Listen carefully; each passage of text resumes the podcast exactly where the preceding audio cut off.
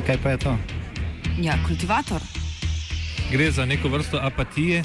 To lahko reče samo kreten, noben drug. Socialni invalid in ga je ne mogoče urejati. Drugi kandidat. Pa, pa pije, kadi, masturbira, vse kako hoče lahko počne. Nihče tega ne ve. Vsak petek skultiviramo dogodek tedna.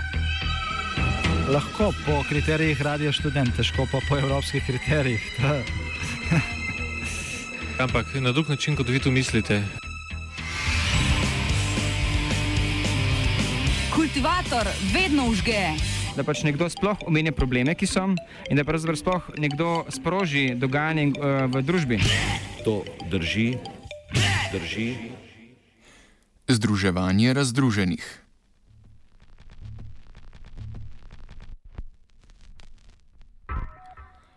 Na 1. avgustovski dan so lastniki časopisnih hiš Večer in Dnevnik javnosti in zaposlenim oznanili, da načrtujejo združitev omenjenih medijev.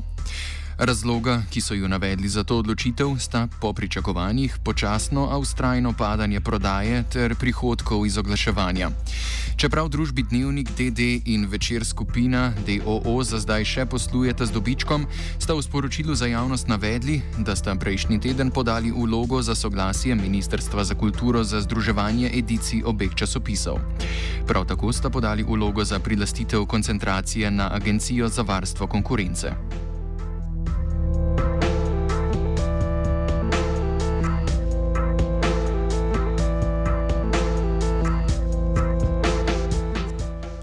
Lastniki združb so bili ob oznanitvi načrta združitve precej skopi z informacijami, kaj vse bo združitev prinesla tako za zaposlene kot nabravce. Razen tega, da naj bi časnika še naprej izhajala kot samostojna medija z več, kot, z več tako imenovanega projektnega povezovanja pod okriljem novega skupnega podjetja, so predstavniki zaposlenih izvedli zgolj oziroma izvedeli zgolj, da je bila obstoječa kolektivna pogodba enostransko preklicana strani uprave in bo veljala še najdlje pol leta. Bojan Bauman, predstavnik zaposlenih v časopisni hiši Večer, pojasni, da te odločitve niso pričakovali. Ja, novica je bila kar nepričakovana. Za zaposlene v bistvu kakšnega pravega alarma oziroma alarma, kakšnega um, signala, da se pripravlja združitev uh, večera in dnevnika, ni bilo. Uh, govorice so bile, da se uh, zadeve um, združuje oziroma da se išče lastnika. Uh, to so novi lastniki naši povedali že v prvi dan, ko so prišli. Uh, torej, firma je nenehno na uh, trgu, če se pojavi Eh, kak interesent oziroma kak, eh, kakšna priložnost eh, je vodstvo pripravljeno sprejeti ta izziv. Zdaj, koliko, če gremo malo skozi zgodovino, na začetku leta smo prekinili, smo začeli pogodbo o tiskanju v tiskarni delo. Torej, je, bila, je bil trend nekje drugje, združevanje z delom. Potem je prišlo, zdaj je prišla uh, ta informacija, ki jo še pač morajo potrditi ministrstvo in urad za varstvo konkurence, da, da gremo skupaj z dnevnikom. Ampak to, kar se zdaj mi dva pogovarjajo, je še vse uh, za nas no, novica, ki je uh, bolj ali manj nepojasnjena. Sandra Bašič Hrvatin, strokovnjakinja za medije z Univerze na Primorskem, poudarja, da trenutna situacija ni nastala v vakumu in da ji argumentacija podana strani uprav ne daje veliko upanja za prihodnost obeh medijev. Se upravičujem, ampak jaz to logiko ne razumem. Uh, prvič, jaz bi opozorila, ker to je uh, smeren problem, da se pri nas vsaka stvar jemlje, kot da je začela se včeraj. Skratka, dnevnik je veliko krat zadnjih 15 let poskušal nekako kupiti večer. Vmes je večer postal združen z delom, potem je varuh konkurence to zadevo razdrl in se je večer prodal, ne vem, sedemkrat, osemkrat ceneje, kot je bila njegova cena, ko ga je delo kupilo. Skratka, mi imamo eno serijo nepremišljenih, nespametnih potez, ki pa nobena ni prinesla nič dobrega. Skratka, mi nimamo ne večje naklade, ne boljše vsebine, ne bolj plačene novinarje in tako naprej. Uh, oglaševanje, uh, samo uh, oglaševanje, delež oglaševanja ne pada, ampak so se oglaševalci pač odločili, da za posredovanje svojih sporočil ne potrebujejo več medije. Imajo pač druge kanale, platforme, na katerih oglašujejo. In zdaj, ko vse to poznamo in ko poznamo, kakšna je katastrofalna situacija z tiskanimi mediji po svetu, ne razumem, na kakšen način bo to združevanje pripeljalo do tega, da bo imeli več bralcev, da bo imeli več oglaševanja oziroma da bojo bili boljši uh, časopisi. Družba Dnevnik je po zadnjih podatkih Zajpesa leta 2016 ustvarila skoraj 18 milijonov evrov prihodkov od prodaje in 1,5 milijona evrov čistega dobička. Ta naj bi lani po podatkih z letošnje skupščine delničarjev dosegel 826 tisoč evrov. Večer skupina pa je po zadnjih podatkih Zajpesa lani ustvarila 1,23 milijona evrov prihodkov od prodaje in 169 tisoč 182 evrov čistega dobička. Družba Dnevnik je konec leta 2016 zaposlovala 150 ljudi, družba Večer pa 123 ljudi. Bauman povzame, kako nastalo situacijo doživljajo zaposleni. Zagotovo uh, takšni, uh, takšne šokantne informacije ne prispevajo k mirnemu uh, vzdušju, delovnemu vzdušju v uh, sami, samem podjetju. Zdaj, uh, ker je treba nekako tudi optimistično gledati, uh, je uh, trg uh, se zožuje, uh, združevanje je ena od uh, opcij. Uh, ni nujno, da, bi, uh, da, da gledamo samo črnogledo, ampak uh, take stvari, uh, kar pa je sindikalna zadeva, se običajno lomijo na, na hrbtih delavcev. In to je tisto, kar nas skrbi. To se pravi, uh, odpuščanje, morebitno združevanje, optim, optimizacije. Uh, mi smo to že šli skozi te, vse te procese in Eh, mislimo, da smo v tem trenutku na, na minimumu tega, kar še zagotavlja uh, delovno operabilnost uh, po posameznih redakcijah in da si dodatnega krčenja uh, ne moremo privoščiti. Informacija, ki jo imamo zdaj, je namreč, da ostajata dva časopisa, tako kot sta bila do zdaj, uh, večer in dnevnik uh, ločena, izhajata za, za, za bralce, se ne bo spremenilo nič vključno z tem, kar mi eh, zagovarjamo, tudi za to uh, lokalno, uh, lokalnim, mariborskim, rečemo temu, pristopom do uh, in lokalnih uh, tem in vse slovenskih tem, kar je uh, naša prednost skozi desetletja, to se pravi en drug neljubljanski pogled na in politiko in lokalno, uh, lokalne zadeve, vse do športa. Bašič Hrvatin se sprašuje, zakaj je do združitve prišlo prav zdaj, čeprav je trend upadanja naklade tiskanih medijev kot problem znan že skoraj celo zadnje desetletje. Ja, jaz mislim, da je zdaj situacija taka, da je eh, medijsko, medijsko krajina totalno razsuta in da dejansko eh, tiste, tisti členi zakona, ki govorijo o tem, da tudi če pogledate zakon, eh, bistveno se nič ni spremenilo uh, od desetletja nazaj. Skratka, treba je ugotoviti, kdo, kaj so relevantni trgi, kakšne so substituti in tako naprej. Jaz mislim, da je zdaj to v bistvu zadnja priložnost, da se naredi neka, kaj pa s tem, neka uh, medijska skupina z zelo specifično uredniško politiko uh, in to je to. Jaz mislim, da tukaj nekih velikih zgodb o tem, kako se bo reševalo novinarstvo in kako se bo reševal pluralizem v slovenskem medijskem prostoru. Ni. Bauman v strategiji lastnikov, poleg večanja naklade ter deljenja oglaševalskega prostora in denarja, vidi tudi željo po oblikovanju medijske entitete, ki bi lahko pokrivala tako regionalni kot tudi nacionalni nivo. 20 tisoč prodanih eh, izvodov dnevno eh, enega in drugega časopisa eh, po pojasnilu vodstva ne zadostuje za, za, za ta pogon, ki ga imamo dolgoročno. Zdaj, v tem trenutku smo mi v plusu, dnevnik je v plusu, tako da neke prav velike naglice, da bi to počeli, ni bilo.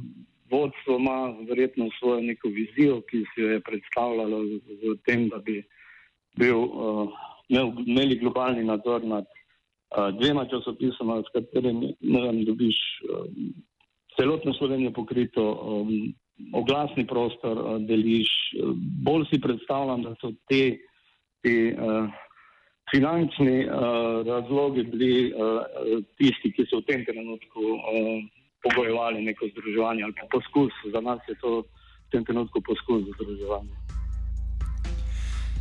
Večer je bil pred leti v večinski lasti časopisne hiše Delo, obe sta spadali v skupino Pivovarna Laško. Delo je na to po več neuspelih poskusih sredi leta 2014 večer prodalo družbi Dobr večer. Dnevnik spada v skupino DZS, ki jo poleg dnevnika in družbe DZS sestavljata še podjetji Terme Čatež in Marina Portoroš. Bašič Hrvatin poudarja, da parcialni interesi lastnikov v slovenski medijski krajini na koncu ponavadi prevladajo nad potrebo po kvalitetnem in dobro financiranem tisku. Kaj mi v Sloveniji zmeraj si izumljamo neke modele, ki z medijsko sfero nimajo nič. Skratka, mi imamo lastnike, ki kupujejo medije zaradi nekih. Sicer trdijo, da to kupujejo zaradi tega, ker želijo vlagati v medije, ampak na koncu se izkaže, da so v ozadju zelo ne vem, površni, prozaični, zasebni interesi. Pač potrebuješ medij zaradi nekih svojih uh, interesov, ker hočeš vplivati na javno mnenje. Ker ni nič narobe, ampak zakaj mi moramo vse zapakirati v neke čudne modele, ki nikjer drugje ne funkcionirajo in tudi pri nas ne bojo funkcionirali. V tem oziru je tudi sama deklarativna želja po ohranjanju entitet in specifik obeh časopisnih hiš v nasprotju z direktno željo po izboljšanju poslovnih rezultatov. Tudi ta argument, da bojo ostala identiteta časopisov enaka, da ne bojo ukinjali uredništva in tako naprej. Mislim, spet, če zdaj tukaj pa uporabimo ekonomsko logiko, tu pa ne vidim nobene ekonomske logike. In še zadnji argument, bravci večera in bravci dnevnika si niso eni in isti. Skratka, večer je v bistvu en zelo specifičen časopis v slovenskem medijskem prostoru, ker je razen primorskih novic, ki so dejansko ostali znotraj tega lokalnega okvira, časopis, ki ima neko svojo zgodovino, ima neko tradicijo, ima zelo specifične bravce. Skratka, po mojem mnenju, ekonomska logika ne bo pripeljala do uh, boljšega medijskega prostora, mogoče pa bo prinesla več dobička lastnikom, ampak za zelo kratko časovno obdobje. Dolgoročno bo ta zadeva pripeljala, po mojem, do negativnih posledic, da pač enega časopisa ne bo več. Bašič Hrvatin verjame, da je precej iluzorno pričakovati združitev brez neke vrste ekonomske optimizacije oziroma manjšanja stroškov dela, ki pa bo imelo tudi direkten kontraučinek na želeno večanje naklade. Ekonomski razvoj, če govorimo o ekonomskem vplivu, je v tem, da v bistvu klestiš stroške dela. In veš, kaj so stroški dela. Stroški dela so novinari in tisti ljudje, ki dejansko ustvarjajo vsebine. In po mojem mnenju je to napačna strategija. Dolgoročno gledano to pripelje, skratka vse to kleščenje stroškov dela je pripeljalo do tega, da naklade še zmeraj padajo. In tisto pa, kar je najbolj zanimivo, je, da nima tega naravnega prirastka novih pravcev, ki bojo nadomeščali tiste starejše bravce, ki, od, ki odhajajo. Skratka, to so uh, za novinarje, pa mislim, da je to, uh, mislim, da je to slabo, ampak njihova sindikalna zavest in solidarnostni čut pa je posebna zadeva. Kaj pa bi bil potem takem korak v pravo smer? Po mojem mnenju je prav tukaj problem. Zaradi tega, ker z temi prijemi ne boš zvišal naklado. Nikakor ne. Zato ti moraš delati na tem, da si pridobiš eno stabilno, bralno publiko, ki te bo podpirala. Zato imate te modele, kjer imate tipa vem, kooperative, kot jih imate v Nemčiji, kot jih imate v Franciji in tako naprej, ker dejansko so spostavili ta vez med bravci in časopisami. Pri nas se v bistvu s to zadevo nihče ne ukvarja. Vse mediji obstajajo zaradi bravcev. Mi pa imamo tudi določene medije v Sloveniji, ki obstajajo ne zaradi bralcev, ampak zaradi tega, da se v njega njih pumpa denar.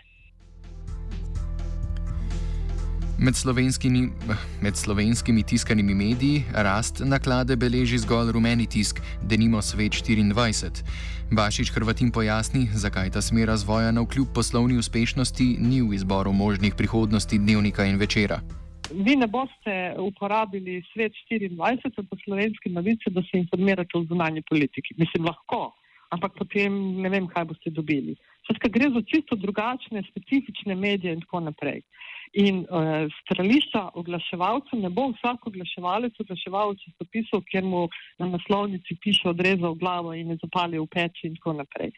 Resni časopisi v bistvu morajo delati na tem, da se povrnejo zaupanje, da takih sanskih naklad, ki so bili v preteklosti, ne bo in da v bistvu vlagajo denar intenzivno, kot ga vlagajo tudi v največje svetovne medije, ki so dobili lasnike, ki so se zavestno odločili, da bodo ogromno denarja uložili v to, da naredijo resne časopise.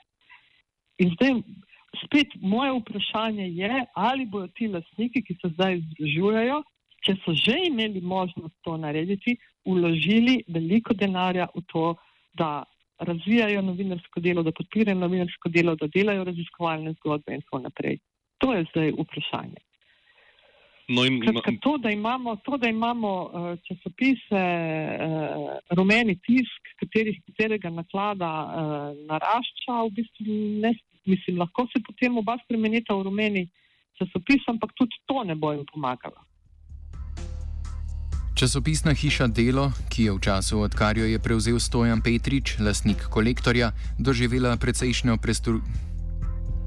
prestrukturacijo kraljuje z naklado, ki presega 40 tisoč izvodov. Optimizacija ter zmanjšanje stroškov in kadra sta že pustila občutne posledice na sami kvaliteti poročanja, če tudi sta izboljšala poslovne rezultate. Bašič Hrvatin je prepričana, da mu večer in dnevnik brez sistemskega financiranja strani države ne bosta mogla konkurirati, kar že samo po sebi postavlja vprašanje o smiselnosti takšnih medijskih modelov.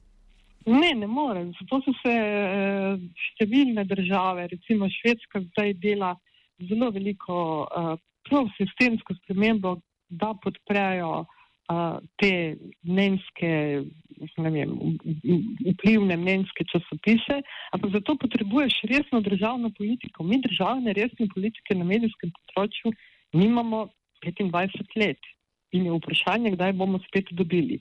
To ni vprašanje uravnoteževanja levo, desno in tako naprej. To je vprašanje tega, da ti vlagaš zaradi tega, ker, men, ker meniš, da je potrebno zagotoviti ljudem kvalitetno novinarsko delo na vseh platformah. In mi tega, nažalost, nimamo. Mi sicer vsako leto damo uh, okrog 3 milijone evrov v različne projekte, ampak s tem mi po, povejte samo eno raziskavo, ki je pokazala, da je slovenski prostor, medijski prostor bolj pluralen, da, novinari, da je veliko medijev zaposlovalo nove novinarje, da so novinarske plače oziroma prispevki, ki jih novinari dobivajo, da so višji in tako naprej. Skratka, sistemsko gledano ta politika, ki jo imamo, ne deluje. Bauman upa na pozitiven razplet za vse, a se zaveda, da ta ni zagotovljen. Enostranska odpoved kolektivne pogodbe pri tem prav gotovo ne pomaga. Ja, mi uh, računamo na ta pozitiven uh, izplen, to se pravi, uh, želimo uh, razmišljati v to smer, da ohranimo avtonomijo, da ohranimo delovna mesta. Uh, dolgoročno je, je uh, logično razmišljanje uh, tudi. Eh, kakšno drugačno.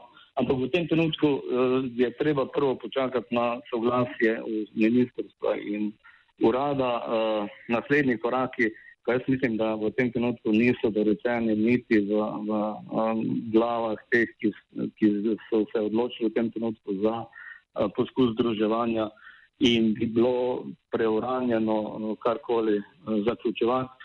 Je pa res, da uh, smo v tem tednu na večeru ostali brez uh, kolektivne uh, pogodbe, to se pravi, uh, vodstvo je enostransko uh, prekinilo uh, to hišno kolektivno pogodbo, ki, v katerem so bile pa zapisane nekatere uh, pravice in uh, obveznosti delodajalca in, in, in delavcev, uh, kako se obnašajo, kako se izplačujejo plače, kako visoke so.